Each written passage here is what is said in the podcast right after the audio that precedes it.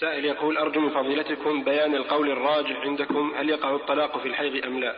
الراجح عندي أن أن الطلاق في الحيض لا يقع وكذلك في حال الطهر الذي جامع فيه وذلك لأن هذا خلاف أمر الله ورسوله.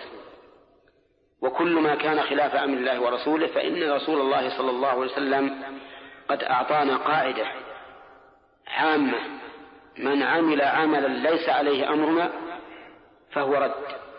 لو جعلت هذه القاعدة من قواعد ابن رجب الفقهية أو غيره فإن أي فرد من أفراد هذه القاعدة يخرج سيقال للذي أخرجه أين دليلك على الإخراج؟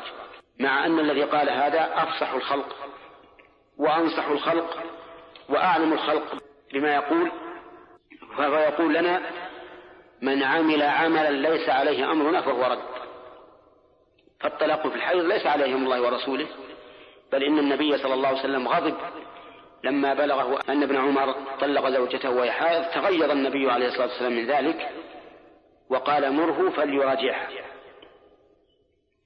وهذا دليل على أنه لم يقع وليس قوله فليراجعها دليلا على أنه وقع لأن المراجعة في لسان الشارع غير المراجعة في لسان الفقهاء.